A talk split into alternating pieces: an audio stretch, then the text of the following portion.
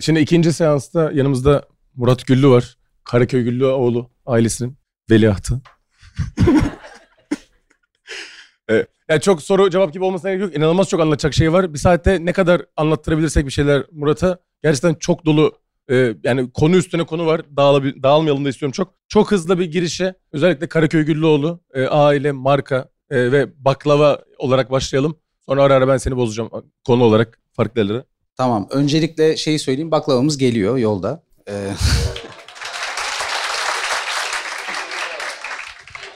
Çünkü yani evet bunu biliyorum. Herkesin ilk aklına gelen bu.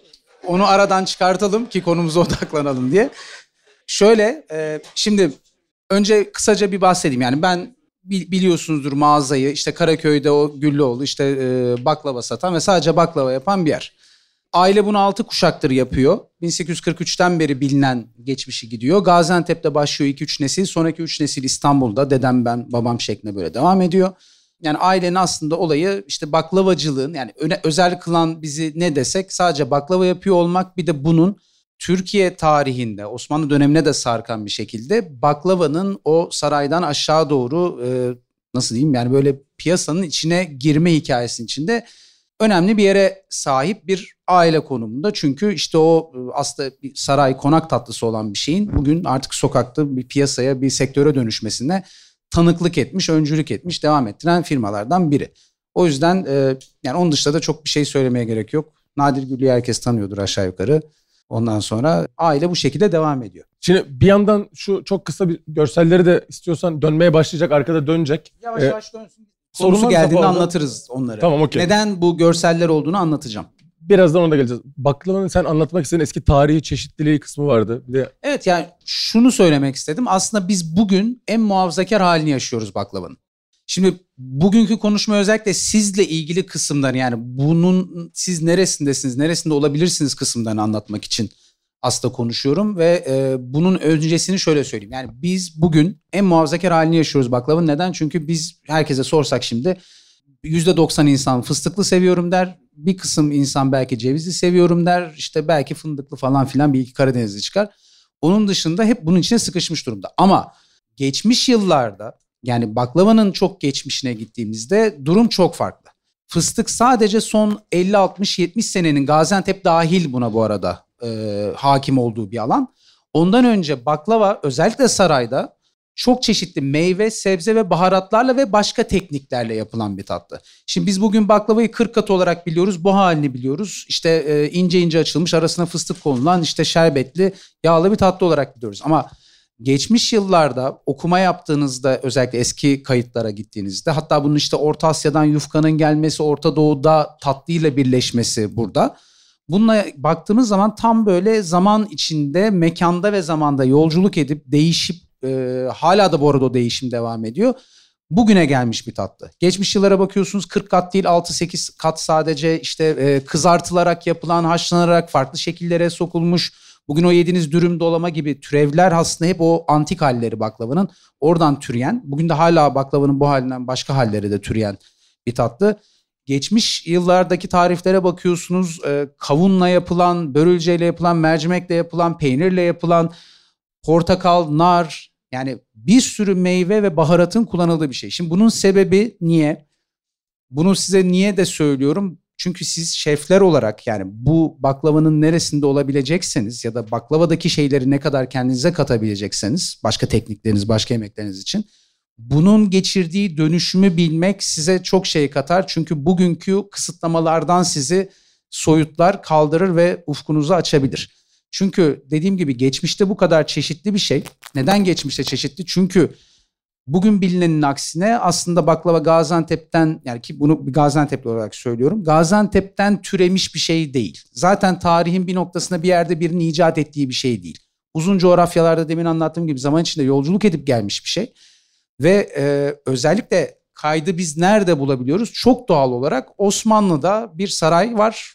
Osmanlı'da İstanbul başkent ve bir imparatorluk başkenti herhangi bir başkent değil. Dolayısıyla en fazla kaydın en fazla malzemenin de bu arada geldiği bir yer. Yani dünyadaki bütün imparatorluk coğrafyasındaki eski sistemde vergiler böyle ani dışında malzeme olarak da alınır. Yani kürk olarak da vergi alırsınız, işte yağ olarak da alırsınız. Dolayısıyla bütün zenginlik İstanbul'a akıyor. Onun da ortasında bir saray var. E, saray bir matbaahı amire. Bugün de hatta yani bence ziyaret etmediyseniz de mutlaka gidin görün Topkapı Sarayı'nın içerisindeki matbaahı amireyi. Bir mutfak idare birimi burası. Bunun içinde bir helva, helvahane var. Helvahane dediğimiz bugünkü helva anlamında değil. Aslında bütün tatlıların bunun içinde ilaç, reçel, işte e, şurup bunların da yapıldığı bir yer burası. Buralarda baklava yapılıyordu ve bu baklavaların işte geçmiş tariflerine baktığımız zaman çok çeşitliliği var. Çünkü saraydasınız bütün gününüzü tek bir çeşitle geçiremezsiniz. Çok fazla yenilik yapmak durumundasınız ve imparatorluğun e, nasıl diyeyim karakteri şudur. Bir şeyin milliyetiyle, kökeniyle, şununla bununla çok ilgilenmez. Bir şeyin iyisi yapılıyorsa bir yerde alır onu saraya getirir. Dolayısıyla ta uç bir coğrafyada ya da bir yerlerde bir şey yapılıyorsa gelirsiniz onu sarayda en iyi haline getirirsiniz. Hatta bir de geliştirirsiniz. Dolayısıyla e, bu perspektiften baktığınızda ne kadar değişik bir şey açılıyor kapı önünüze. Yani işte geçmişten günümüze böyle fıstıklı bir baklava 40 kat geliyormuş değil. Aslında çok değişerek, yolculuk ederek ve sarayda farklı halleri alınarak bir tatlı. Ve bu tatlı geç yani şey olarak farklı olarak sokaktan gelme değil. Tam da yukarıdan saraydan aşağı doğru inmeye başlayan bir tatlı. 18. 19. yüzyıldan itibaren de bunun artık yavaş yavaş sektörleşmeye başladığını görüyoruz. Şimdi bugün biz bunu hala bazı tatlılarda yaşarız. Eskiden belki bir kısmımız hatırlar. Künefecilik, katmercilik çok tek başına yapılan meslekler değildi. Genelde kebapçıların içinde bulunurdu. Müstakil dükkan olması çok daha yeni. Bugün artık hani sektör genişlediği için tek başına künefeciler yani geçmiş yıllarda Anadolu'da bir yerlerde vardır tek başına künefeciler, katmerciler ama bu kadar müstakil hale gelmesi sektörün genişlemesiyle. Baklava bunu tam da 1900'lerde, 1800'lerde yaşamaya başlamış bir e, tatlı. Dediğim gibi o saraydaki geçirdiği dönüşüm işte ondan sonra İstanbul'da ve Anadolu'nun farklı yerlerinde bu artık sokağa da inmeye başlıyor. İşte bizim ailemiz de bunu tutan ailelerden biri. Hatta yine çok bilinmez bizim ailenin ilk başlangıcı kebapçılıkla birlikte baklavacılık. Ve Gaziantep Ticaret Odası'nda da baktığınızda 1930'lara kadar müstakil baklavacı yok. Hep kebapçılıkla birlikte, kebapçılık esnafının altında ee, yani bugün aslında steakhouse'un arkasında nasıl bir baklava işte katmer servis ediliyorsa o dönemi de öyle düşünün. Bir kebapçının arkasında baklava servis ediyor. 1930'larla birlikte müstakil bir meslek haline almaya başlıyor. Bizim de ailenin aynı şekilde o yıllarda tek başına baklavacılıkta kalması, tercih etmesi bu.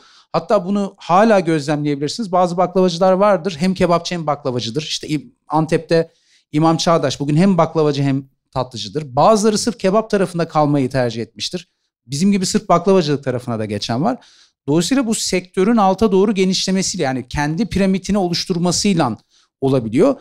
E, bu da işte saraydan yukarı doğru gelen bu kadar değerli bir şeyin yani niye peki bu daha önce olmuyordu 19. yüzyılda oluyor? Çünkü evet sektör genişleme, malzeme kullanımları değişmeye başlıyor. İşte sizin şef olarak tam anlayabileceğiniz konular bunlar.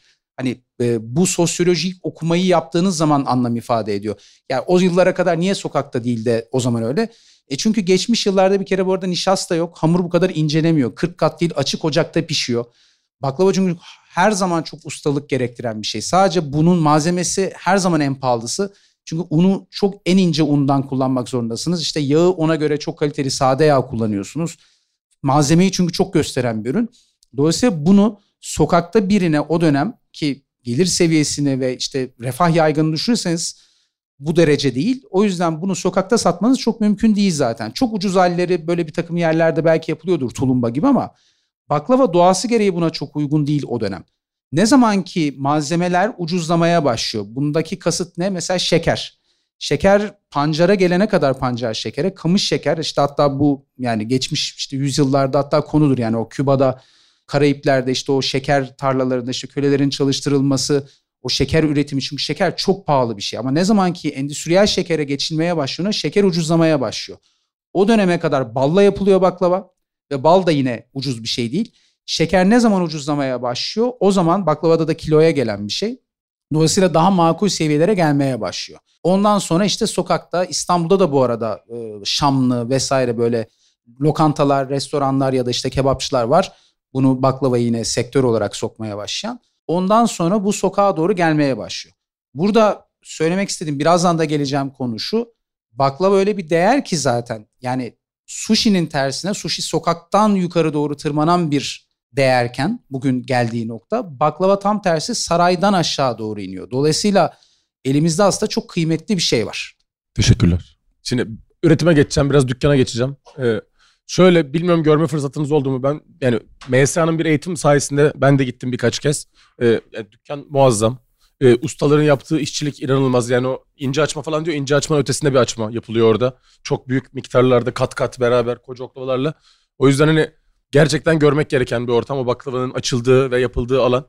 Ee, ve ustaların eğitimi ne kadar sürüyor? Ustalar yani çok zordu bulmak. Şu an yetiştirebiliyor musunuz? Bu konuda ne yapılıyor? Biraz da böyle oradan artizan üretimi, artizan işçiliğe doğru kaysak. Çünkü çok artizan bir iş yapıyorsunuz. Çok özel bir iş. Yani şöyle kimse o emeği, o mesleği çünkü öğrendiğinizde uzun yıllar yapacaksınız ve yıllarınızı ayırmanız gerekiyor. Günümüzde kimse kolay kolay yapmıyor bu şartlarda bunu. O yüzden özel bir şey yapılıyor orada.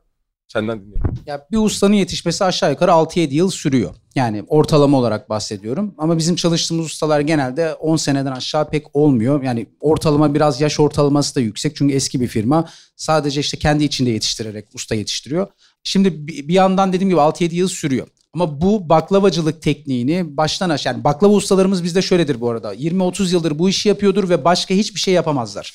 Yani bu ustalar herhangi bir pasta, kek, işte herhangi bir makaron vesaire hiçbir şey yapmayı bilmezler. Bütün hayatlarını sadece baklava yaparak kazanırlar.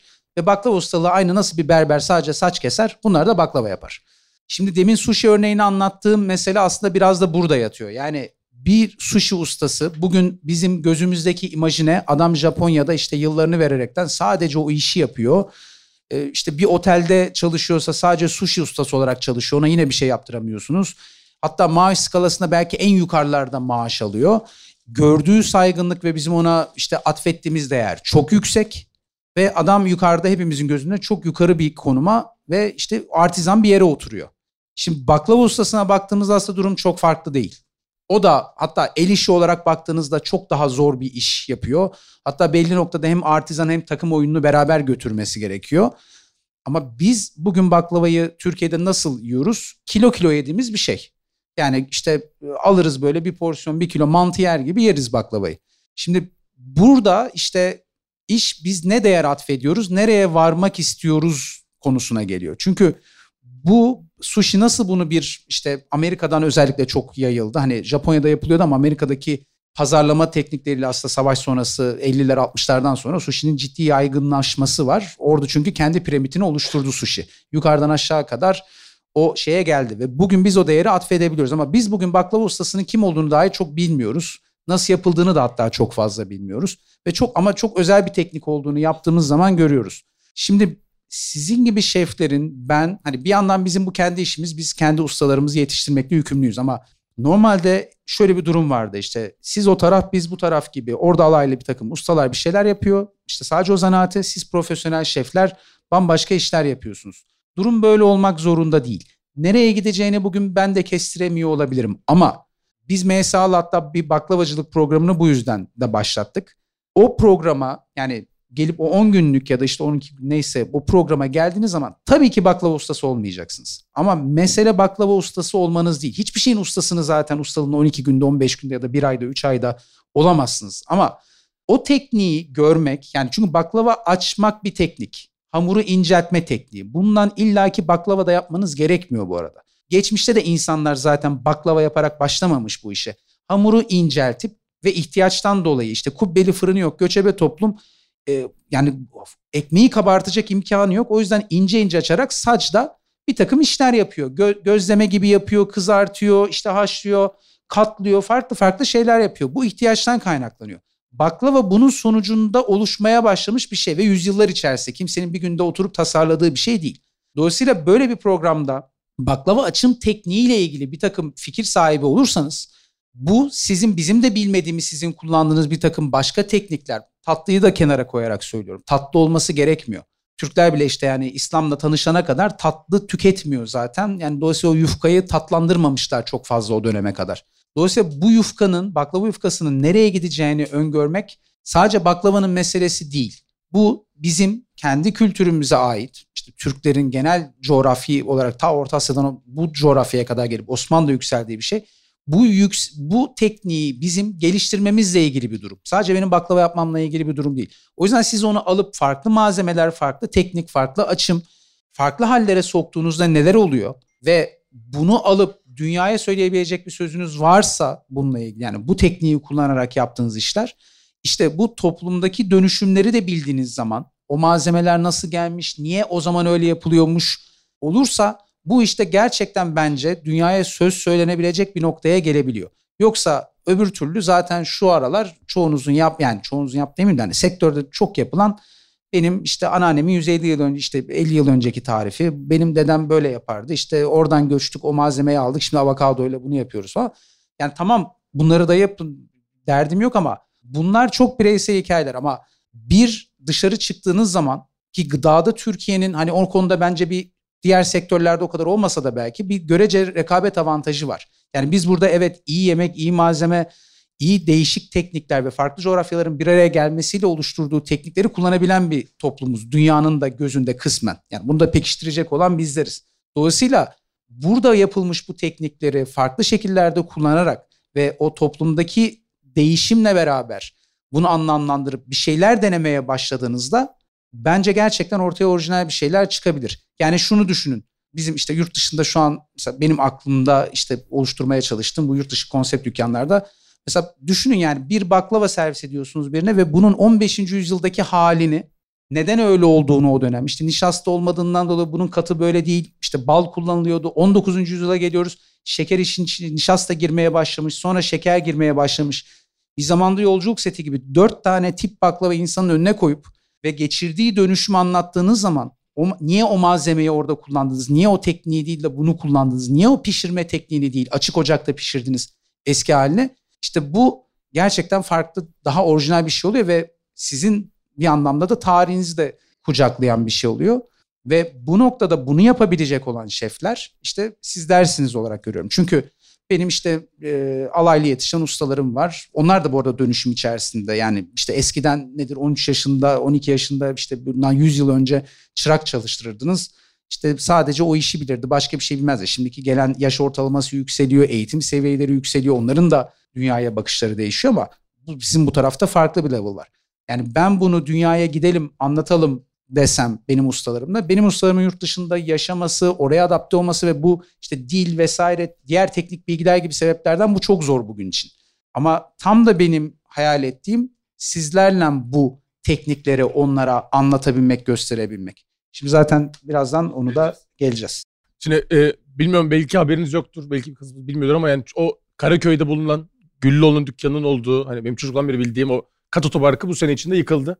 Dükkan taşındı. Yani çok yakına taşındı ama. Evet, evet. 5 dakika yürüme mesafesine taşındı. Ama muazzam bir. Evet, evet. O 3 katlı. mı diyorsun?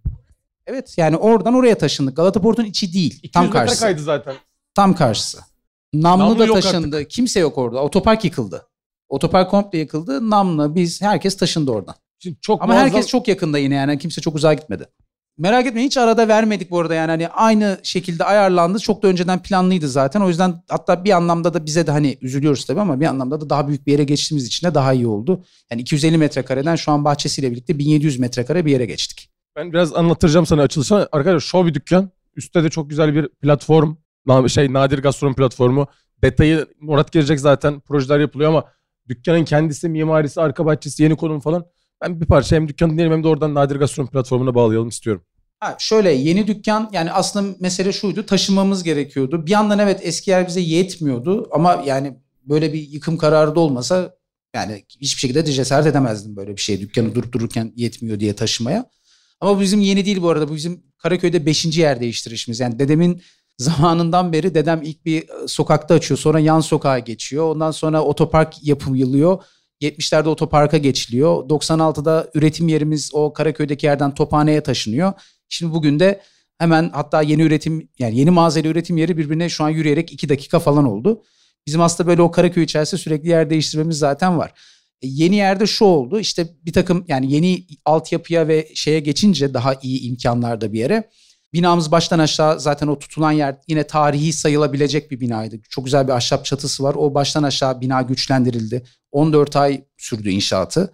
bina planı baştan aşağı değişti. Bütün yani dış cephe hariç içerideki her şeyi değiştirdik ve bina eski bir hanken e, tek kullanım haline geldi. Arka bahçesi çok güzel bir tarihi duvarları olan bir e, Ceneviz'den, Ceneviz'den kalma bir e, cephesi de olan bir yer. Bahçe biraz e, bir, bir aya kadar falan açılacak.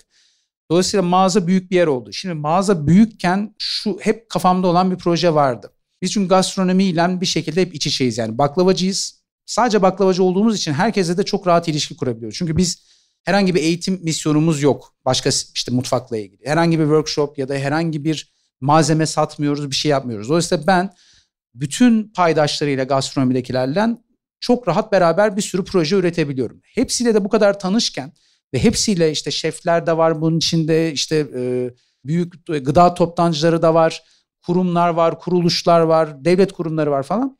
Böyle bir şey varken hep hayalimde olan bir şey vardı. Gastronomi ve kültürün birleştiği bir yer yapabilmek. Bunun da amacı aslında bir baklava dışında da bu alana açmak ve gelip insanların kullanabileceği bir platform. Adı platform olması nadir gastronomi platform olmasının sebebi bu. Çünkü bir eğitim yeri değil, bir merkez değil, bir akademi değil. Bir sahne aslında. Yani bir platform. Profesyonel bir mutfak kurmak oraya.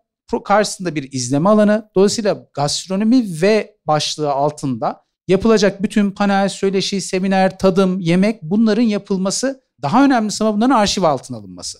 Benim bu konuda hatta yani örnek aldığım isim Yemek Kültür Dergisi'ni de çıkartan Chia, Musa Dağ deviren hani onu çok örnek alırım. Çünkü yıllardır gastronominin içinde ama bir yandan da bir kültür üreterekten bir dergiyle bunu yayını çıkartıyor ve herkes de var bunun içinde. O da tamamen bunu e, aslında gastronomideki paydaşlarıyla beraber yapıyor. Ben bunu farklı olarak bir yayın değil aslında bir kısmen de bir entertainment alanı olarak böyle bir platform yapmak ve bunu da tabii kayıt altına almak. Orada yapılan bütün bu çalışmalar bir yandan da arşivleniyor. Yani bir menü çıkıyorsa menü arşivleniyor. Bir panel konuşma yapılıyorsa bu videoya çekiliyor yine arşivleniyor. Yarın öbür gün neye dönüşebileceğine bakarız. Belki bir belgesele, belki bir kitaba bir şeye altlık olur. Ama burada neler yapılacak? Mesela bir Aztek mutfağı yani Aztekler ne, nasıl neye göre beslenirdi? Neydi bu alışkanlıkları ve ona uygun bir menü nasıl çıkar bugün? Mesela bunun organizasyonunu yapmak. Yine Anadolu'daki bir herhangi bir konumla da ilgili olabilir.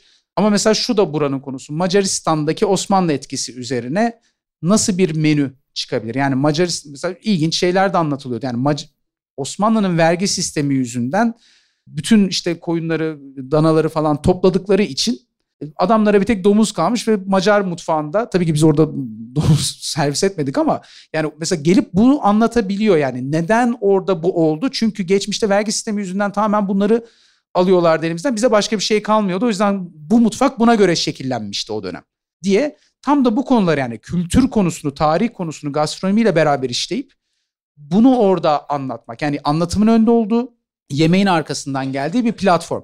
Dolayısıyla bu herkese açık bir şey. Yani gelip orada bir kurum, kuruluş ya da bir şef de bir çalışmasını yapabileceği bir sahne aslında. Dolayısıyla bizim kendi ajandamız var. İşte çıkardığımız aylık duyurduğumuz program hatta buradaki panolara falan da asılmıştı.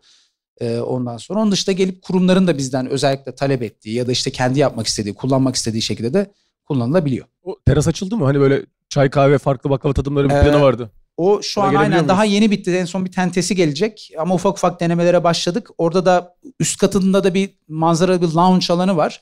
Orada da aslında aşağıda yaptığımız o yemek çalışmaları ya da bizim baklava ile ilgili o geliştirdiğimiz bu fotoğraflarda dönen konseptleri bir nevi bir demo gibi pilot çalışma olarak sunabileceğimiz bir alan var. Orası etkinlik bazlı açık olacak. Yani şöyle aşağıda normal gelip fıstıklı cevizli baklavanızı yersiniz. Ama yukarıda daha önceden etkinliği bilet olarak aldığınız dükkanda yiyemeyeceğiniz işte bu bahsettiğim farklı meyvelerle, baharatlarla ve tekniklerle yapılmış baklava ve türevlerini yukarıda deneyimleyebildiğiniz buna özel eşleştirilmiş çay ve kahvelerin servis edildiği bir alan aslında yapıyoruz. Yani o yukarının olayı bir güzel manzarası var ve bir de yani çok farklı yiyemeyeceğiniz tipte baklava ve börekleri orada tadabileceksiniz. Yukarının da olayı bu. O yüzden de çok ayırdık birbirinden. Yani hani bu mağazanın içine dahil ettiğimiz bir alan değil. O yüzden bütün kimliğiyle, kurumuyla da fiziki olarak da yani mağazanın ayrı bir alanında. Dolayısıyla yani Karaköy Güllüoğlu'nun çatısı altında ama tamamen kendi özel yapısında. Oradan da hatta yurt dışına da geliriz. Ben Japonya Japoncan nasıl gidiyor diye soracaktım. Şimdi Japonya'da bir yeri sen söyle ama bir stand gibi bir dükkan var şu an bir Ee, kompleksin To- içinde. Tokyo'da e, Matsuya Ginza diye bir orada department store yani Londra'daki Harrods ya da işte Paris'teki Lafayette gibi işte 100-150 yıllık olan bir department store Ginza semtinde işte Tokyo'nun çok kalbi bir yerde. Orada e, sistemde şu bütün herkesin çalışma sistemi bu. Department store'un bir çikolata ve işte bu bütün tatların servis edildiği bir kat var. Herkesin orada pop-up yerleri var.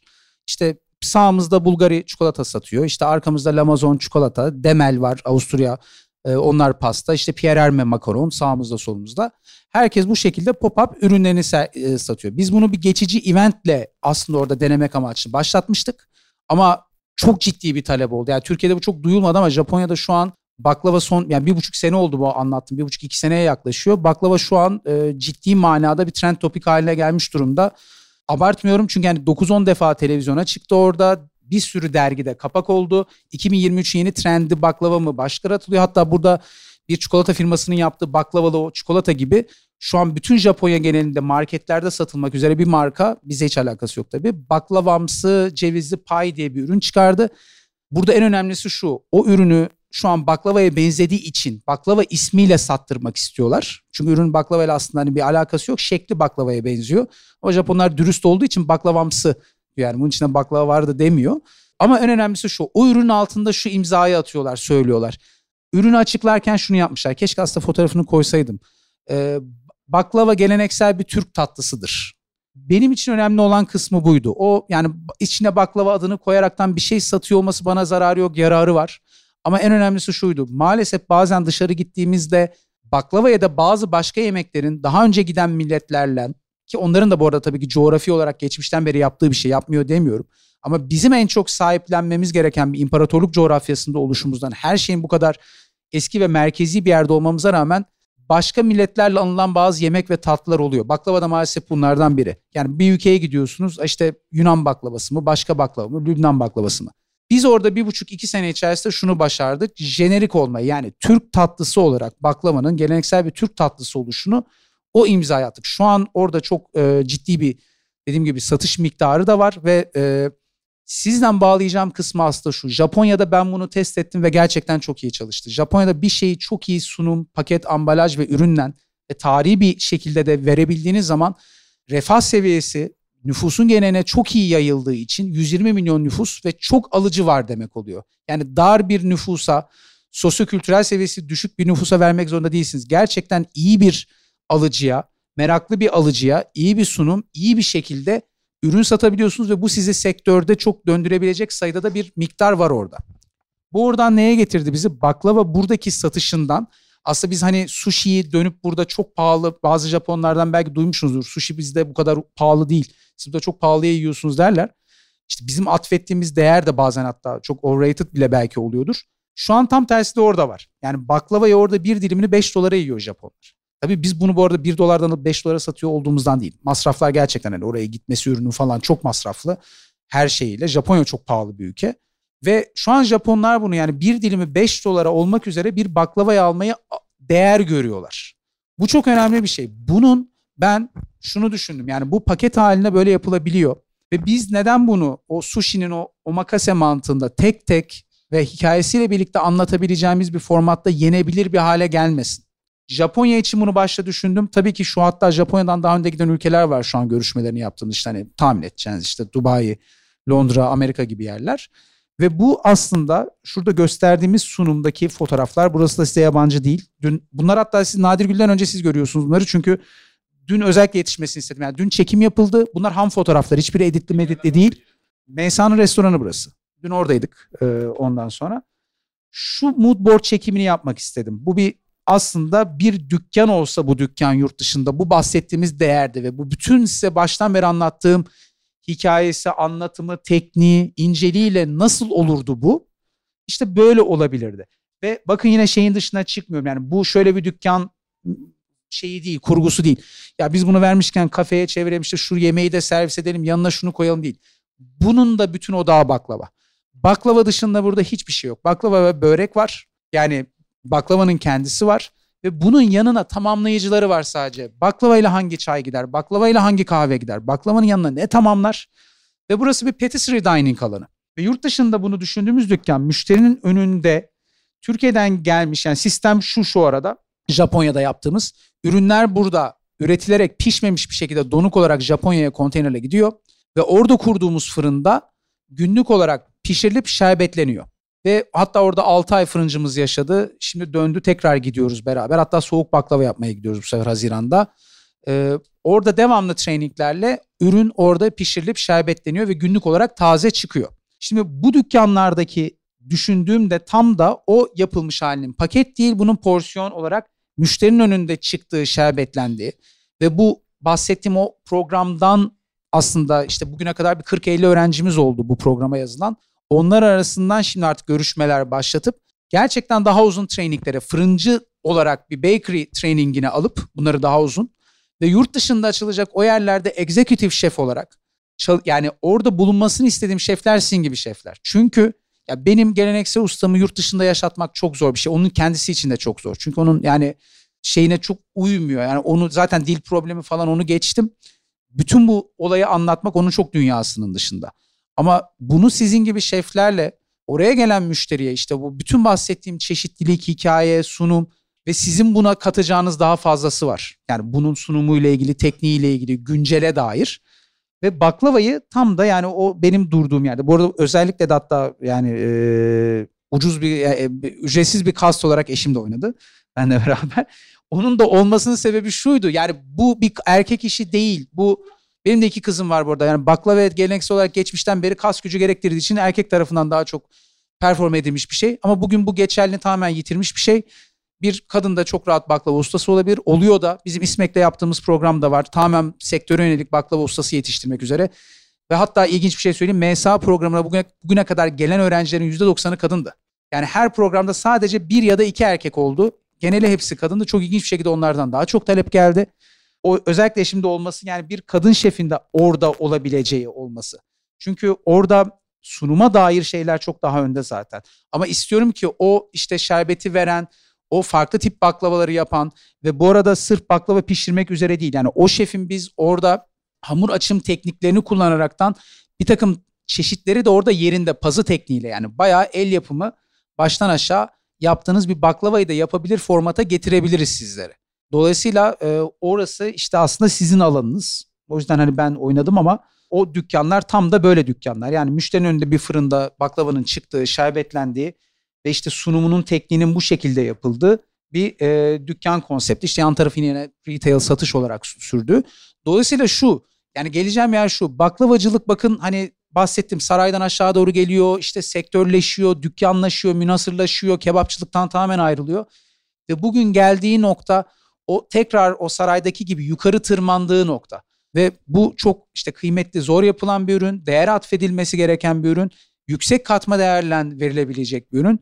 Ve bugün hani gelmesini istediğimiz yer dünyada işte o şefe değer atfedilen noktaya gelmesi. Yani dünyadaki insanların da baklavanın değil sadece baklava yapan ustanın da ne kadar değerli, ne kadar zor bir iş yaptığını, dolayısıyla ne kadar katma değerli sayılabilecek, değer verebilecek bir iş yaptığını kabullenmesi ve yani bu dükkanlar bu yani geldiği nokta artık sokaktaki halinden bizim İstanbul'da değiştirmeye çalıştığım bu değil bu arada. İstanbul'da bunlar oynamanın hiçbir anlamı yok. Çok oturmuş bir pazar var. Ama yurt dışında bu iş böyle yapmaya çok müsait ve biz bunu dünyaya bu şekilde anlatabiliriz. Ben bunu baklavadan anlatıyorum ama yani inşallah başka meslektaşlarım, başka tatlılar ya da başka şeyler için baklava evet çok özel yani biraz daha böyle bizim daha oturmuş işte en akla gelen, en incelikli gösterdiğimiz bir tat ya da ürün ama Mesela bunu başka şeylerde de yapabilmesi lazım diğerlerinin. Yani yapmayı istemesi en azından. Biz henüz yani bir şeye başlamadık. Daha yeni başlıyoruz ama yani ben o usta tarafla bu profesyonel tarafın bir noktada kesiştiği, iç içe geçebildiği noktalar olacağını düşündüm. Ve o yüzden bunu yapmak istedim. İleride ne kadar daha fazla iç içe geçer, ne kadar sentezlenir, ne kadar siz başka şeylere yol açarsınız. Çünkü biz zaten yapacağımızı yapıyoruz ama sizin işin içine dahil olduğunuzda yapabileceğiniz, sunabilecekleriniz ve alıp dışarı götürüp kendinize ait de bu firma ile alakası olması gerekmiyor. Yani buradan öğrendiğiniz tekniklerle çok farklı tip baklava, tatlı ya da başka yemekler yapabileceğiniz baklava yufkasıyla bizler için değerli. Ben sadece size şeyi rica edeyim. Arasına fıstık kreması ya da sadece baklava yufkası kullanarak yaptığınız her şeye lütfen baklava demeyin. Yani adında baklava yufkası kullandığınız, malzemeleri kullandığınız, evet kullanın. Zaten kullanmalısınız ve yapın. Bunu teşvik ediyoruz biz de zaten. Ama yani şuna sadece ben karşıyım. Baklavanın isminden faydalanmaya çalışıp ben bunun adına yani ben diyelim ki bir çikolata yaptım. Bu normalde çok satmaz ya da işte piyasada fark edilmez. Ben bunun başına bir baklava eklersem işte arasına da bir yufkayı kaktıralım işte fıstığı koyalım. O zaman bu daha çok ilgi duyar. Herkes bir merak eder demeyin. Bu baklavaya bir zararı olmaz. Uzun vadede zaten bir sürü şey yapılıyor ama bu sizin için çok iyi olmaz. Çünkü bir şeyin isminden faydalanmaya çalışıyor olursunuz. Evet baklava farklı hallere gelebilir. Farklı şekillerini anlattım yapılabilir. Sadece de bir ricam yani her yufka kullanıldığında baklava olmuş olmuyor. Benim bir iki sorum var. Ek yurt dışı ile ilgili. Bir personel yurt dışı açılan yerlerde yabancı personel hiç düşünüyor musun? Öyle bir eğitime falan yoksa full buradan mı götürmek hep niyet? Yani gönlüm buradan geçer tabii ki yani benim anlaşabileceğim benim toprağımdan çıkmış bu şeflerle. Ama ben şöyle biriyim yani çok daha o konuda ne bileyim global düşünüyorum. Yani baklavayı dünyada da gösterip ya bu tekniği anlamalarını isterim insanların. Çünkü bu yani bütün insanlığa ait bir şey. Zaten bu arada saklamaya çalışsanız da bir anlamı yok. Yani insanlar gelip baklava yapmayı öğrenmek istiyorsa öğrenir. Kafaya takmışsa bu mesela. Hatta ben en çok Japonlardan korkuyorum. Çünkü biliyorsunuz yani hani belki de çok iyi yapmadık. 20 sene sonra benden çok daha iyi baklava yapmış bir Japon'da çıkabilir karşıma. Biliyorsunuz yani viski Japonların değil ama dünyada en prestijli satılan viskilerden işte bazıları Japon viskileri. Ki adamlar yani icat etmekte değil ama geliştirmekte çok iyiler. Dolayısıyla ben orayı çok merak ediyorum. Hakikaten birileri bir süre sonra baklava öğrenmek istemeye gelip benden daha iyi yapmaya çıkabilir mi? Ama benim gönlüm tabii ki buradaki şeflerle bu işi yapmak. Dolayısıyla yurt dışı işlerinde e, zaten biz de buradayız bu arada. Yurt dışında ben herhangi bir şekilde yaşamayı ya da oraya yerleşmeyi düşünmüyorum. Bütün fokusumuz burada. Dolayısıyla buradaki kaynaklardan, buradakilerle beslenmek çok daha iyi olacaktır tabii bizim için. Yurt dışı dükkanlarda peki tatlı dışında mesela börek, su böreği falan olacak değil mi hepsi? Sadece su böreği ama baklava dışına çıkmayacak. Bu arada bu ben de çok bilmiyordum. Yani sizler belki çok daha iyi biliyorsunuz zaten. Ee, yani düşünüyordum varmış zaten. Patisserie dining yani sırf pastane gibi yani tatlı ürünlerine ait bir restoran deneyimi yaşayabileceğiniz yerler zaten varmış. Hatta birçoğu da Japonya'daymış bunların. Dolayısıyla aslında hedeflediğimiz şey bunu yapmak. Yani çünkü ben baklavacıyım yine söylüyorum. Başkaları başka dünyayı kurtarsın, genele şamil bir şeyler yapsın. Pastaneciliği genel kendine alan edinsin. Hiç itirazım yok, saygı da duyarım. Benim yapmak istediğim bütün iş baklava ile ilgili. Başka hiçbir şeyle ilgili değil. O yüzden onun o dining'i de yapılacaksa sadece baklava ile ilgili olacak. Bunun dışına çıkmak istediğim bir alan yok. Künefeci, künefeyi künefeci yapsın, katmeri katmerci yapsın. Biri de çıkıp hepsini beraber yapmak istiyorum desin. Yine bir itirazım yok. Ama benim kurduğum oyun sadece bunun üzerine. Murat çok teşekkürler geldiğin için. ben teşekkür ederim. için.